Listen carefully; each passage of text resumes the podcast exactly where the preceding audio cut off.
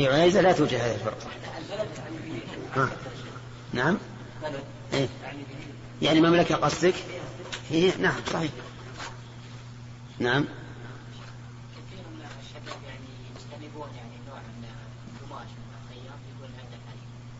حرير؟ إيه؟ الأصل الأصل الحل حتى يقوم دليل على أن هذا حرير أصلي. وأما الحرير الصناعي فهو, فهو حلال. اللهم إلا أن يحرم على شخص لسبب مثل أن يقال لهذا الرجل إنه رجل وسيم وجميل لو يلبس فتن الناس حينئذ نمنعه وإلا فالأصل الحل نعم. ثلاثة؟ طيب. حدثنا أحمد بن يونس قال حدثنا زهير قال عاصم قال حدثنا عاصم عن أبي عثمان قال كتب إلينا عمر ونحن بأذربيجان أن النبي الله أن النبي صلى الله عليه وسلم نهى عن لبس الحرير إلا هكذا وصف وصف لنا وصف لنا النبي صلى الله عليه وسلم اللهم صل وسلم عليه ورفع زهير الوسطى والسبابة حدثنا مسدد قال حدثنا يحيى. عن التيمي عن أبي عثمان قال كنا مع عتبة فكتب إليه عمر رضي الله عنه أن النبي صلى الله عليه وسلم قال لا يلبس الحرير لا لا يلبس الحرير في الدنيا إلا إلا لم إلا لم يلبس منه شيء في الآخرة. حدثنا الحسن بن عمر. طيب في هذا دليل على أن لبس الحرير من كبائر الذنوب. لأن فيه إيش؟ الوعيد في الآخرة. وكل ذا وكل ذنب رتب عليه عقوبة خاصة في الدنيا أو في الآخرة فهو من كبائر الذنوب. وقول لا يلبس الحرير في الدنيا المراد على الرجال. كل النصوص الواردة في تحريم الحرير خاصة بالرجال. نعم.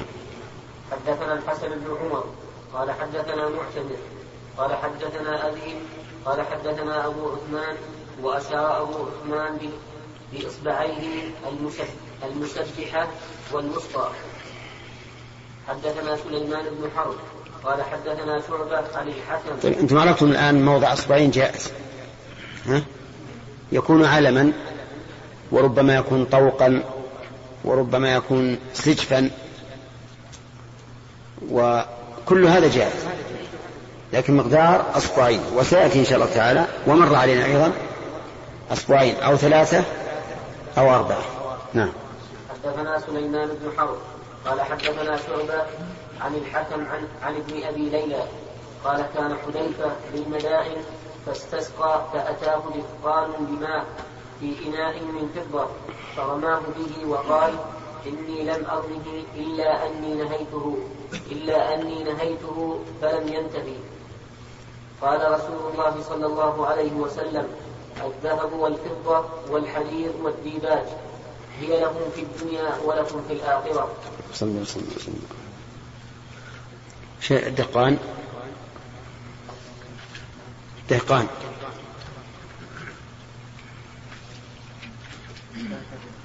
دهقان دهقان بكسر الجار المهملة وبضم سكونها وبعد القاف ألف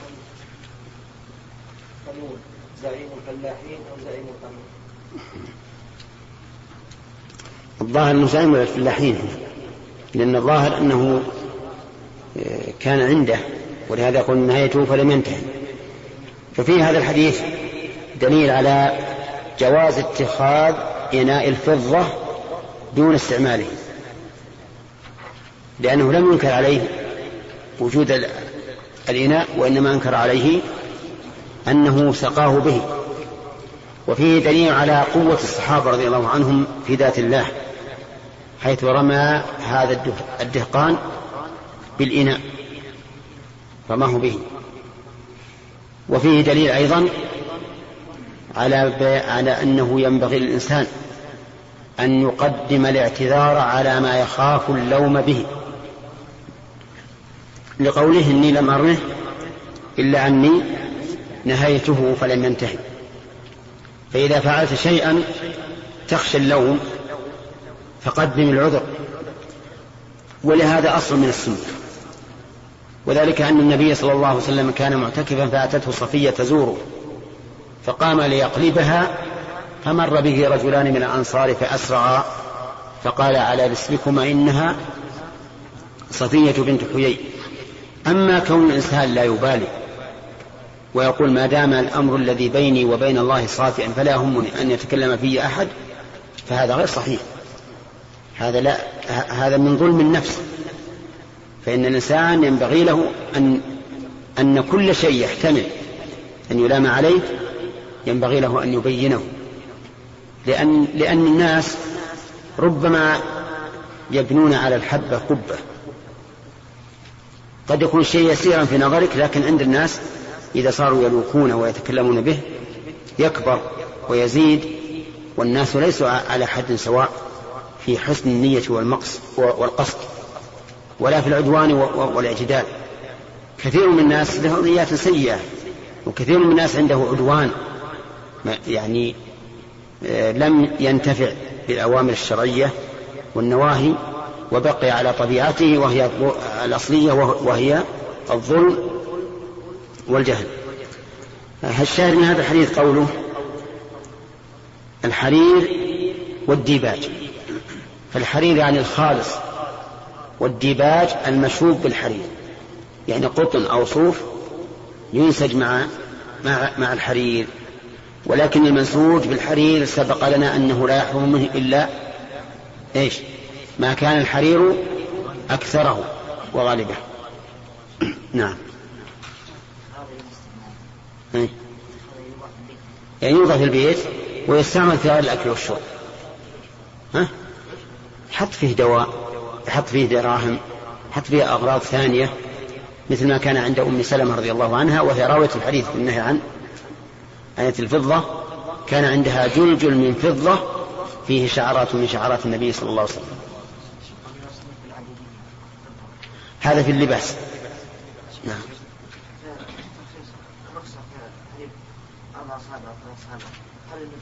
أربع إيش؟ أربع أصابع أو؟ إيه؟ نعم. المجموع. المجتمع في مكان. أما مثلا لو كان علما علام. يعني خط حرير وخط آخر قطن فهذا يعتبر الأكثر ظهورا إذا كان خط الحرير أوسع من خط القطن صار حراما. إذا كان خط القطن أوسع صار صار حلالا نعم.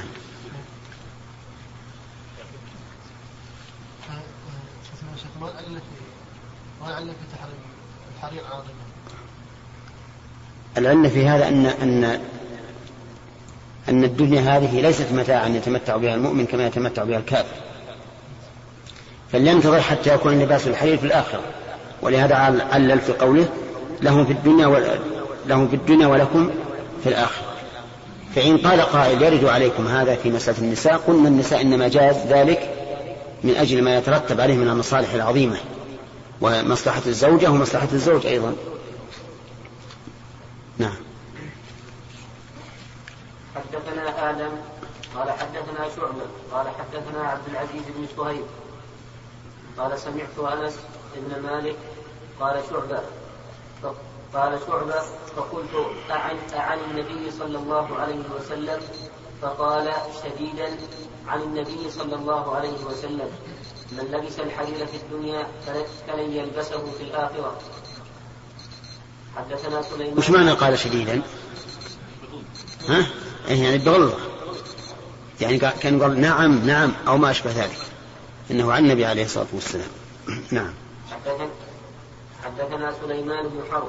قال حدثنا حماد بن زيد عن ثابت قال سمعت سمعت سمعت ابن الزبير يخطب يقول قال محمد صلى الله عليه وسلم من لبس الحرير في الدنيا لم يلبسه في الآخرة. حدثنا علي بن جعفر أخبرنا شعبة عن طيب مثل هذا هذا هذا الوعيد في هذا الحديث والذي قبله هل المراد أنه لن يدخل الجنة؟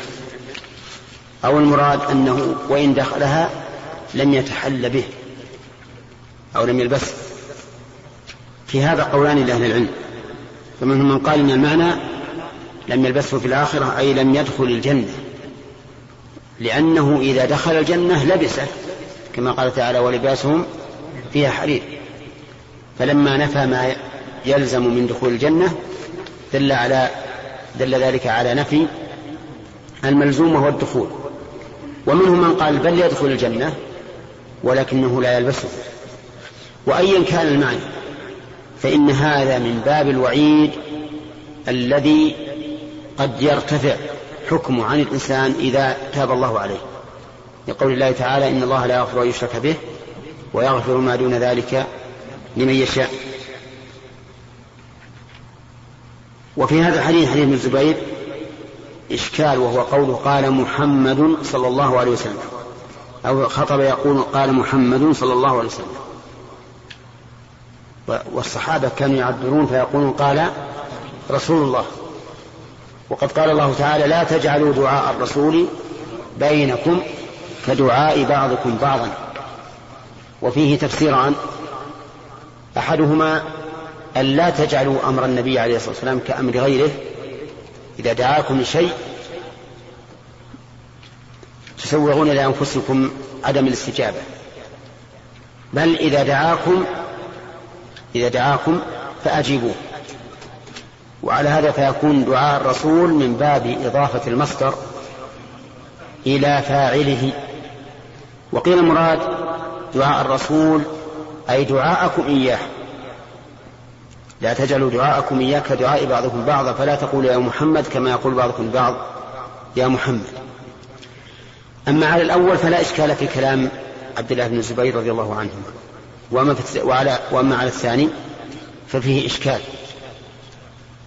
والجواب عنه أن يقال إنها إن هناك فرقا بين الدعاء والخبر.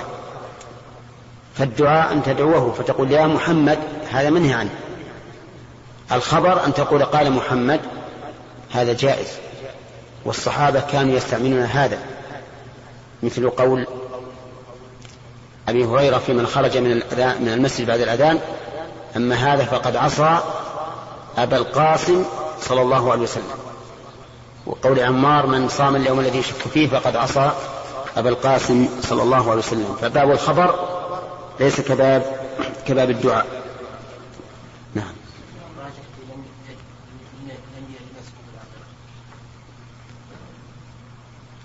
وكما قلنا من باب الوعيد الذي قد يعفى عنه فهو إن عوقب قد يتأخر دخوله عن الجنة. وإن دخل الجنة وقلنا بالمعنى الثاني فقد يتأخر تمام النعيم في حقه. نعم. حدثنا علي بن الجعد قال أخبرنا شعبة عن أبي سفيان خليفة بن كعب قال سمعت ابن الزبير يقول سمعت عمر يقول قال النبي صلى الله عليه وسلم من لبس الحرير في الدنيا لم يلبسه في الآخرة. وقال لنا أبو معمر حدثنا عبد الوارث عن يزيد قالت قال قالت معاذة أخبرتني أم عمرو بنت عبد الله سمعت عبد الله سمعت عبد الله بن عمر سمعت عبد الله بن الزبير. سمع عمر سمع النبي صلى الله عليه وسلم نحوه. حدثنا محمد بن بشار. طيب هنا كيف نجمع بين الرواية الأولى والثانية؟ هل نقول إن الروايتين الأخريين فيهما مزيد في متصل الأسانيد؟ ولا نقول الأول مرسل؟ ولا نقول لا لا يمنع أن يكون الرسول سمعه أن يكون ابن الزبير سمعه من النبي عليه الصلاة والسلام وسمعه أيضا من عمر. فتارة يحدث به على أنه سمعه من الرسول صلى الله عليه وسلم وتارة يحدث به على أنه سمعه من عمر. فهذه ثلاث احتمالات. الاحتمال الأول أن يكون مزيدا في متصل الأسانيد وهذا بعيد. هذا بعيد. والثاني أن يكون السياق الأول مرسلا. وهو أن ابن الزبير أسقط الواسطة بينه وبين رسول الله صلى الله عليه وسلم. وهذا لو ثبت فإنه لا يضر. لا يضر لسببين. السبب الأول أن هذا الإرسال جاء مبينا في في الرواية الأخرى. فزال خوف الجهالة. والثاني أن مرسل الصحابي حكمه حكم متصل لا حكم منقطع. ولا يطعن ذلك في صحة الحديث. الوجه الثالث أن يكون ابن الزبير سمعه من النبي صلى الله عليه وسلم مباشرة وعليه يدل السياق الأول وسمعه بواسطة عمر فصار يحدث به أحيانا بالواسطة وأحيانا بغير الواسطة. وعلى كل تقدير فالحديث إيش؟ الحديث صحيح لا مطعن في صحته نعم.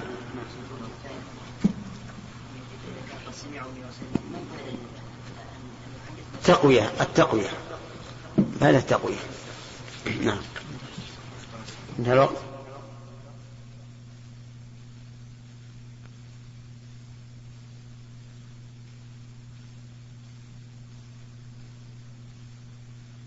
آه ما شاء الله. هل أنا كتبت؟ ها؟ يلا علم بها الإخوان أنت. أنتم فاهمين البارح؟ اللغز في الفرائض. خال ورث وعم لم يرث. خال ورث وعم لم يرث. هذه من الأخ هداية الله. والآن أقرأها عليكم.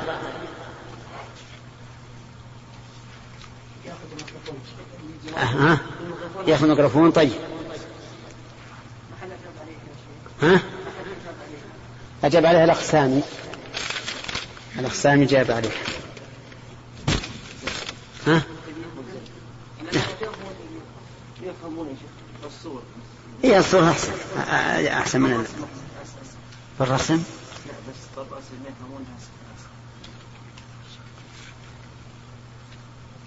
يلا. قل. بسم الله الرحمن الرحيم. سورة المسألة على وجه الأقرب إلى الفهم كما يلي. إذا تزوج عم زيد جدة زيد من قبل من من قبل أمه. صار ابنه خالا لزيد. وابن عم له. وإذا تزوج خال زيد جدة زيد من قبل من قبل أبيه صار ابنه عما لزيد وابن خاله. فإذا مات زيد عن هذين الرجلين صار ميراثه لخاله الذي هو ابن عمه لأنه عاسب لكون ابن عم الشقيق وليس لابن خاله الذي هو عمه لأن عمه. من أمه وهو من ذوي الأرحام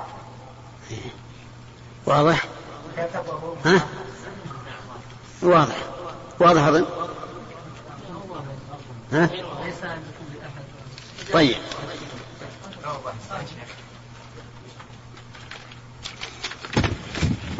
إذا تزوج عم زيد ها مثل فرضية خال ورث وعم لم يرث. هذه الصورة. رجل تزوج عن مات عن خاله وعمه فورثه خاله دون عمه. هذه الصورة. إذا تزوج عم زيد جدة زيد من قبل أمه. تصورتم الآن؟ تزوج عم زيد. جدة زيد من قبل أمه. مفهوم الآن؟ ها؟ عم زيد أخو أبوه. تزوج عمة زيد جدة زيد من قبل أمه. يجوز يتزوجها ولا لا؟ يجوز. طيب. صار ابنه خالا لزيد. صار ابنه من جدة زيد خالا لزيد. لماذا يصير خالا لزيد؟ لأنه أخو أمه. لأنه أخو أمه. واضح الآن ولا لا؟ ها؟ الله علي ما هو؟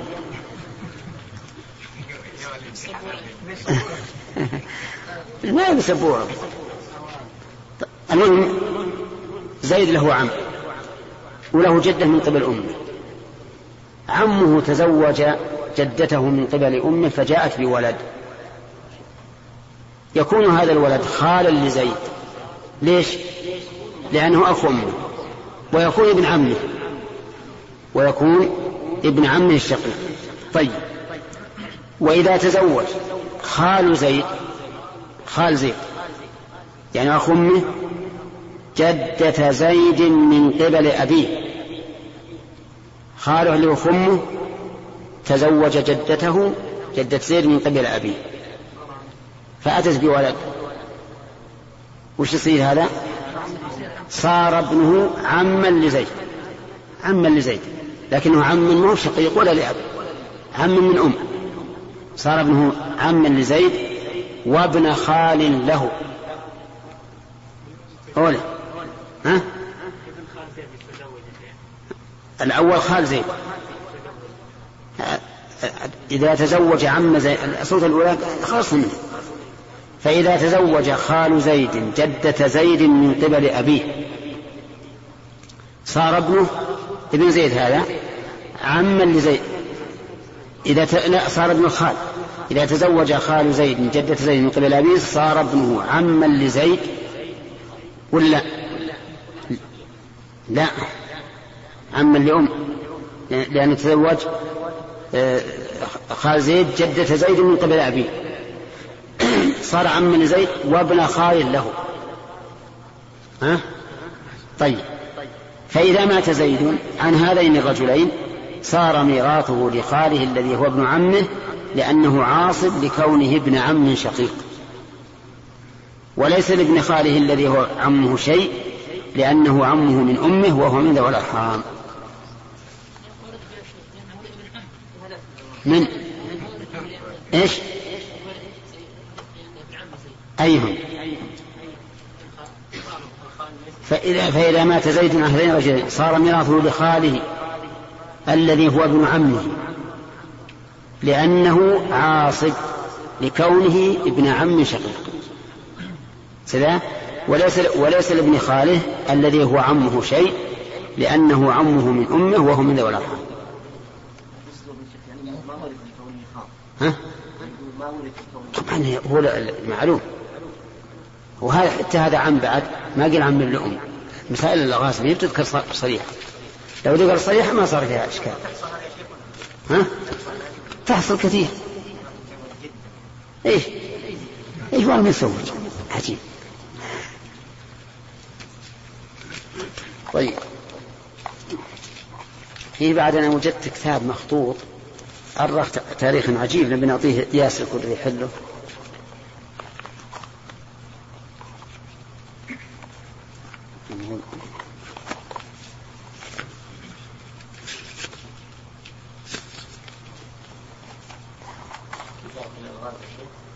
أيهن؟ لا هذا من الأخ هداية الله اي الطراز في حل مسائل الألغاز إيه.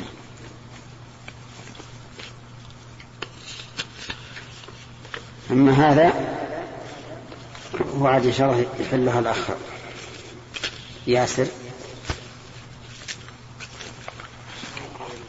نعم لا لا ما يوسع ما ودنا نتعبكم في هذا. لأن الله أنكم ما تعرفونه. أبدا. يقول تم ذلك. إيه. بس بقرأ عليكم ولا أنتم عارفين. تم ذلك في العشر في العشر السابع من الثلث الثالث من الثلث الأول من الربع الرابع. من العشر التاسع من العشر الأول من الخمس الخامس من الثلث الثالث من الهجرة. نعم. أخذ في أي يوم يقع هذا التاريخ؟ كيف؟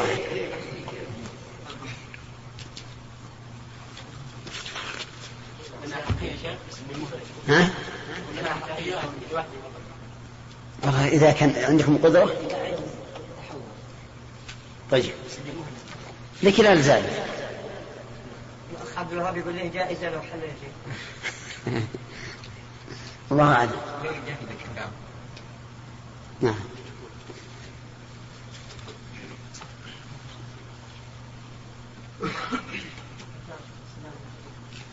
باب الحديث عند النساء؟ ها؟ طيب. الحمد لله رب العالمين والصلاة والسلام على نبينا محمد وعلى آله وصحبه أجمعين. قال المصنف رحمه الله تعالى حدثني محمد بن بشار قال حدثنا عثمان بن عمرو بن عمر قال حدثنا علي بن المبارك عن يحيى بن أبي كثير عن عمران بن عن عمران بن حطان عمران.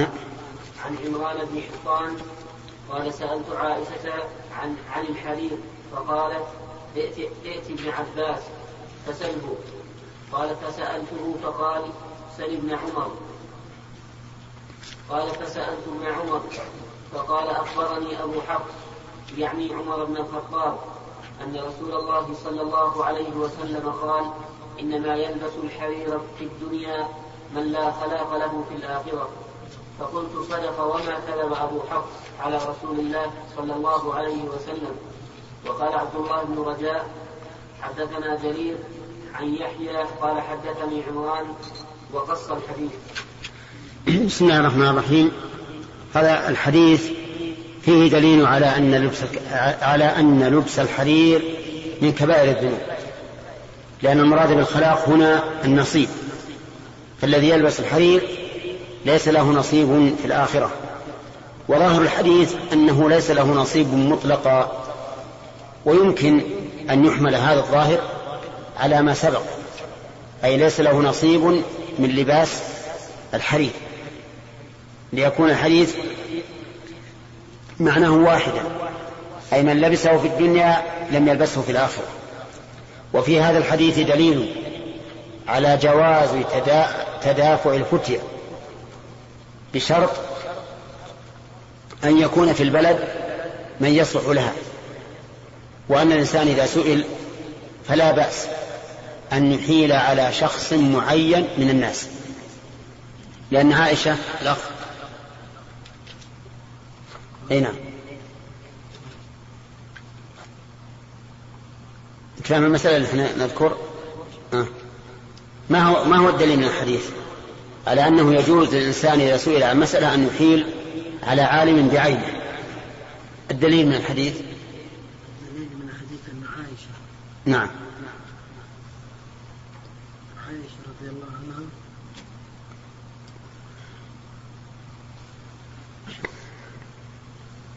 أن الحرير قا- قالت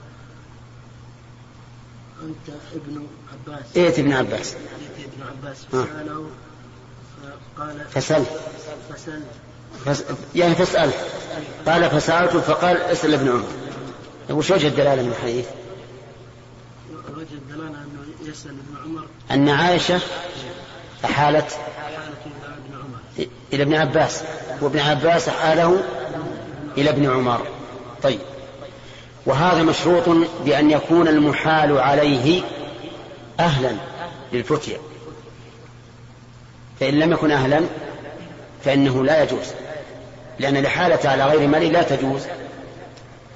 وكان الإمام أحمد رحمه الله إذا أحال في الفتيا يحيل على غير معين فيقول اسأل العلماء. وعلى هذا فنقول ينظر في هذا إلى المصلحة فإذا كان الإحالة على الشخص المعين أقرب إلى الصواب وأقرب إلى حصول المقصود من السائل بحيث يكون المحال عليه معلوما فلا بأس بالإحالة على شخص معين. وإلا فالأولى أن يحيل على وجه العموم فيقول اسأل العلماء وذلك لئلا يفتتن المحال عليه ويغتر بنفسه. فيقول أحال علي فلان إذا أنا من أنا؟ ويتباهى بنفسه ويحصل بذلك ضرر عليه. طيب فإذا لم يكن في البلد من يصلح للفتية فهل يجوز للإنسان أن يحيل على شخص آخر في غير البلد؟ نعم. الجواب لا. إذا كان إذا كان إذا كان هو يعرف الحكم فإنه لا يجوز أن يحيل على شخص آخر في بلد آخر. لماذا؟ لأن في ذلك إضرارا على السائل. افرض أنه في القصيم وأحال على شخص في مكة أو في الرياض. هذا في صعوبة. فإذا قال قائل لا صعوبة اليوم لوجود الهواتف فالجواب قد لا يتسنى لهذا السائل الاتصال بالمحال عليه. إما لكونه مشغولا أو لغير ذلك من الأسباب. فصار الآن يشترط لهذا الإحالة الإحالة تقع على على وجهين. عام ها وخاص. أو إن شئت فقل مبهم ومعين. ويشترط لجوازها أن يكون المحال عليه أهلا للفتيا هذا واحد. والشيء الثاني أن لا يكون في ذلك ضرر على المحال. طيب. نعم. المحال. المحال هو السائل. فإن كان فيه ضرر على المحال فلا يجوز. نعم.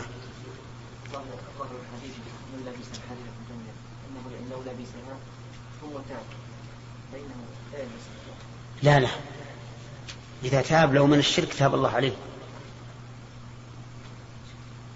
التوبة تجب ما قبلها. ما في إشكال مع التوبة. نعم.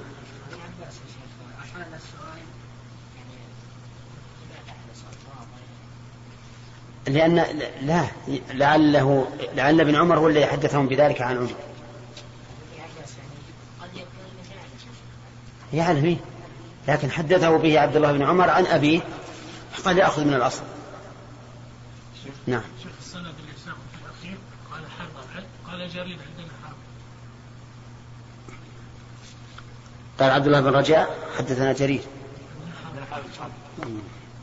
نسخة نعم.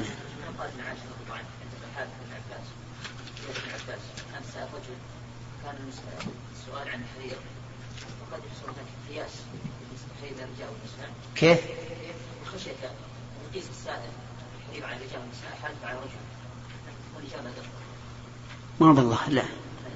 لا ما بالله نعم باب ها؟ ثلاثة ثلاثة. نعم. باب مس الحرير من- غير لبس ويروى فيه عن الزبير عن الزهري عن أنس عن النبي صلى الله عليه وسلم. حدثنا عبيد الله بن موسى. عن إسرائيل عن أبي إسحاق عن البراء رضي الله عنه قال اهدي للنبي صلى الله عليه وسلم ثوب حرير. فجعلنا نلم... نل... فجعلنا نل... نلم... نلم... نلمسه ونتعجب منه. فقال النبي صلى الله عليه وسلم أتعجبون من هذا؟ قلنا نعم. قال مناديل سعد بن معاذ في الجنة خير من هذا. الله أكبر. في هذا دليل على جواز إهداء الحرير للرجل ولكنه لا يلزم من إهدائه له أن يلبسه إذ قد يعطيه المرأة أو يعطيه أخا له مشركا أو كافرا كما فعل عمر رضي الله عنه. حين أهدى إلى أخيه المشرك في مكة ثوبا من حرير.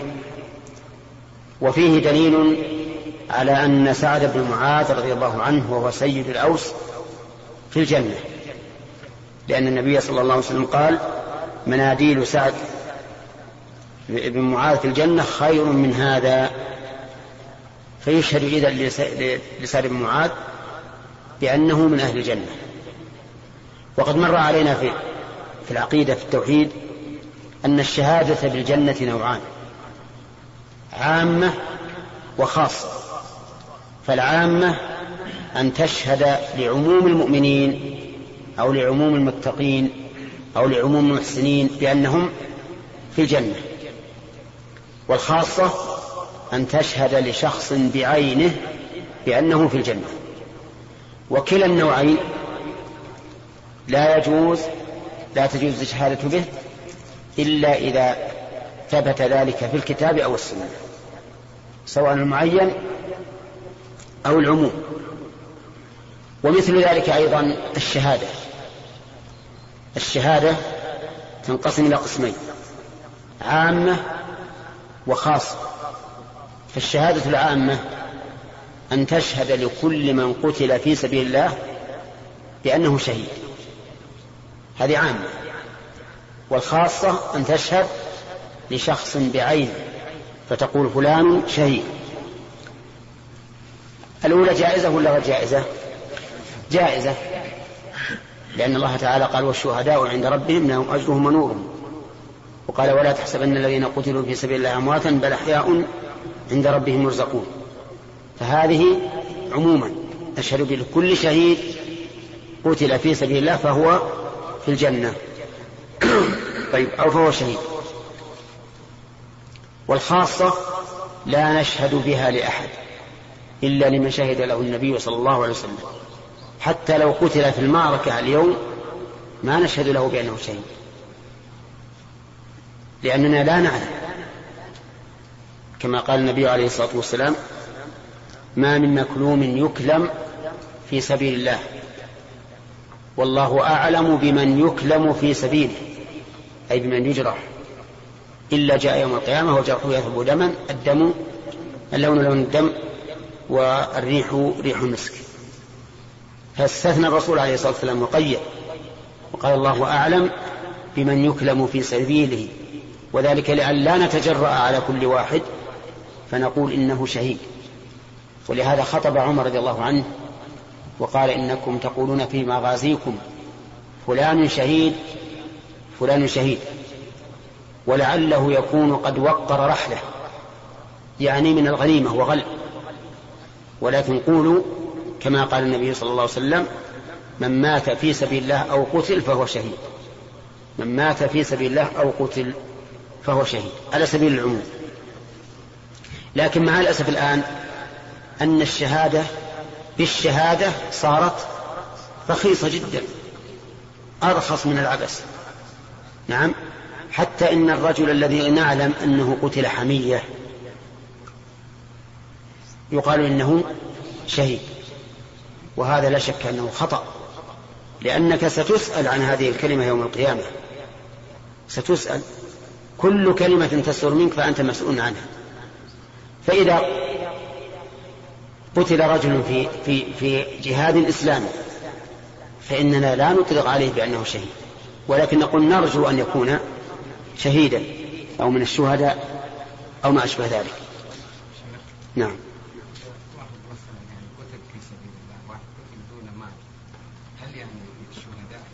شهيد. شهيد لكنه ليس كالشهيد في المعركة.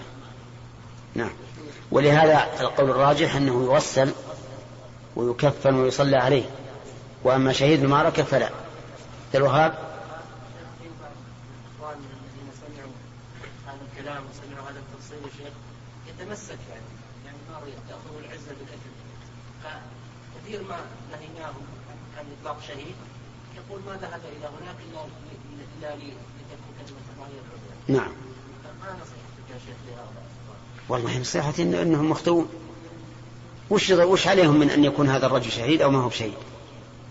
هو يرجى أن يكون شهيد بلا شك لأنه ذهب والظاهر أنه لم يذهب ويترك أهله ووطنه وماله إلا ليقاتل في سبيل الله. هذا هو الظاهر.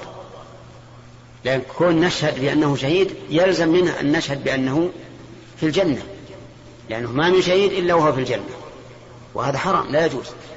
والعلماء في عقائدهم أهل السنة يقول لا نشهد بالجنة إلا لمن شهد له رسول الله صلى الله عليه وسلم بعينه.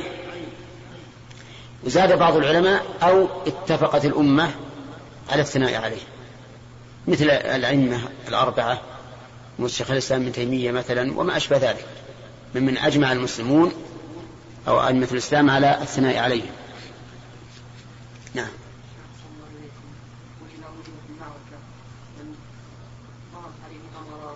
وأنا أظن أني أح... أن البخاري رحمه الله قال ترجم على هذا في قوله باب لا يقال فلان شهيد هنا. نعم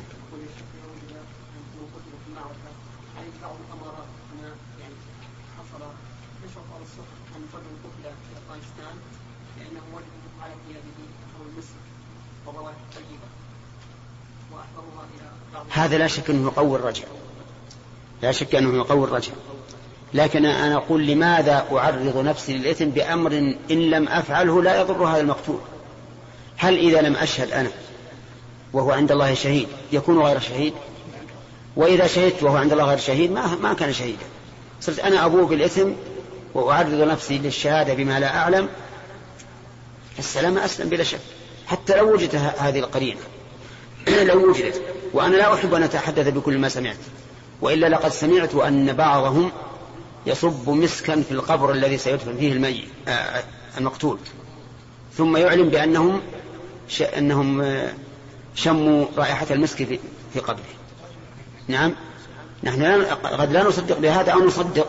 المهم أني أقول القرينة إذا وجدت في هذا المقتول الذي عليه ثيابه الآن ودمه وشمام منه رائحة المسك فهذا لا شك أنه يقوي الرجع لكن ما علينا نحن. هل نحن ملزمون بأن نشهد؟ لا نلزم ولا يطلب منا أن نشهد. لكن نعم نرجو أن يكون شهيدا ويقوى رجاؤنا بهذا بهذه الأمارة التي, التي رأيناها. ونحن إن, إن شهدنا فعل خطر وإن, ترك وإن تركنا الشهادة سلمنا هو إن كان عند الله شهيد فهو شهيد سواء شهدنا أم لم نشهد. وإن لم يكن عند الله شهيد فلا تنفعه شهادته لنا. شهادتنا له. هنا نعم. شلون؟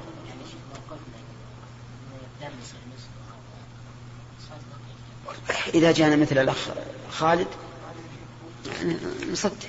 إذا قال أنا شممت رائحة المسك من دمه الذي عليه صدقنا كيف؟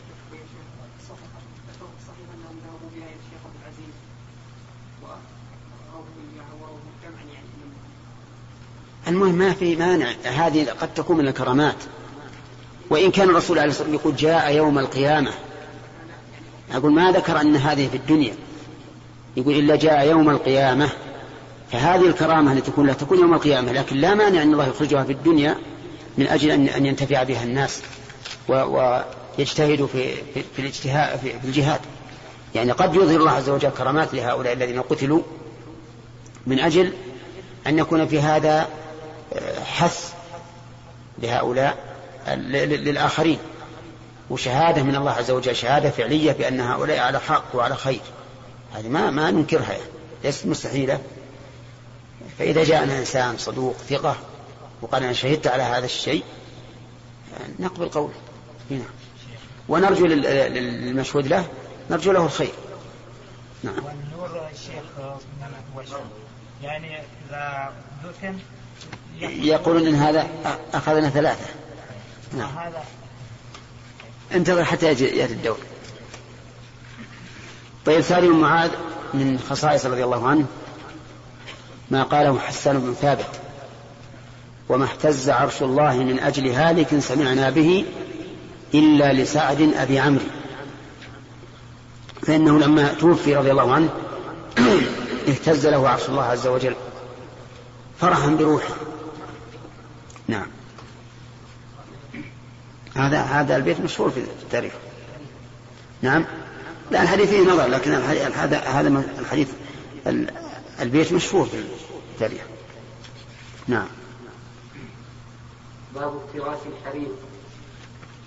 وقال عبيدة هو كلبسه عندنا عبيدة. وقال السلماني الفقيه المشهور. نعم. وقال عبيدة هو كلبسه حدثنا علي قال حدثنا بن جرير. قال حدثنا أبي قال سمعت ابن أبي نجيح عن مجاهد عن ابن أبي ليلى عن حذيفة رضي الله عنه قال نهانا النبي صلى الله عليه وسلم أن نشرب في آنية الذهب والفضة وأن نأكل فيها وعن لبس الحرير والديباج وأن نجلس عليه. نعم وهذا للرجال لا شك فيه أنه لا يجوز للرجال أن يجلسوا على الحرير. لأنه إذا حرم اللبس حرم الجلوس. وقد أطلق اللبس على الاستعمال ولو في الجلوس. كحديث أنس بن مالك رضي الله عنه قال قمت إلى حصير لنا قد اسود من طول ما لبس فلباس كل شيء بحسبه وذكرت لكم فيما سبق أن العلماء اختلفوا في جواز افتراش النساء للحرير. فمنهم من قال بالجواز لعموم الأدلة. ومن قال بالمنع ومن العلماء من قال بالمنع. وقال إن جواز لبس المرأة الحرير من أجل التزين للزوج والافتراش لا يمت إليها بصلح. وقلت لكم إن هذا أحوط وأن تجنب هذا للنساء أولى. نعم.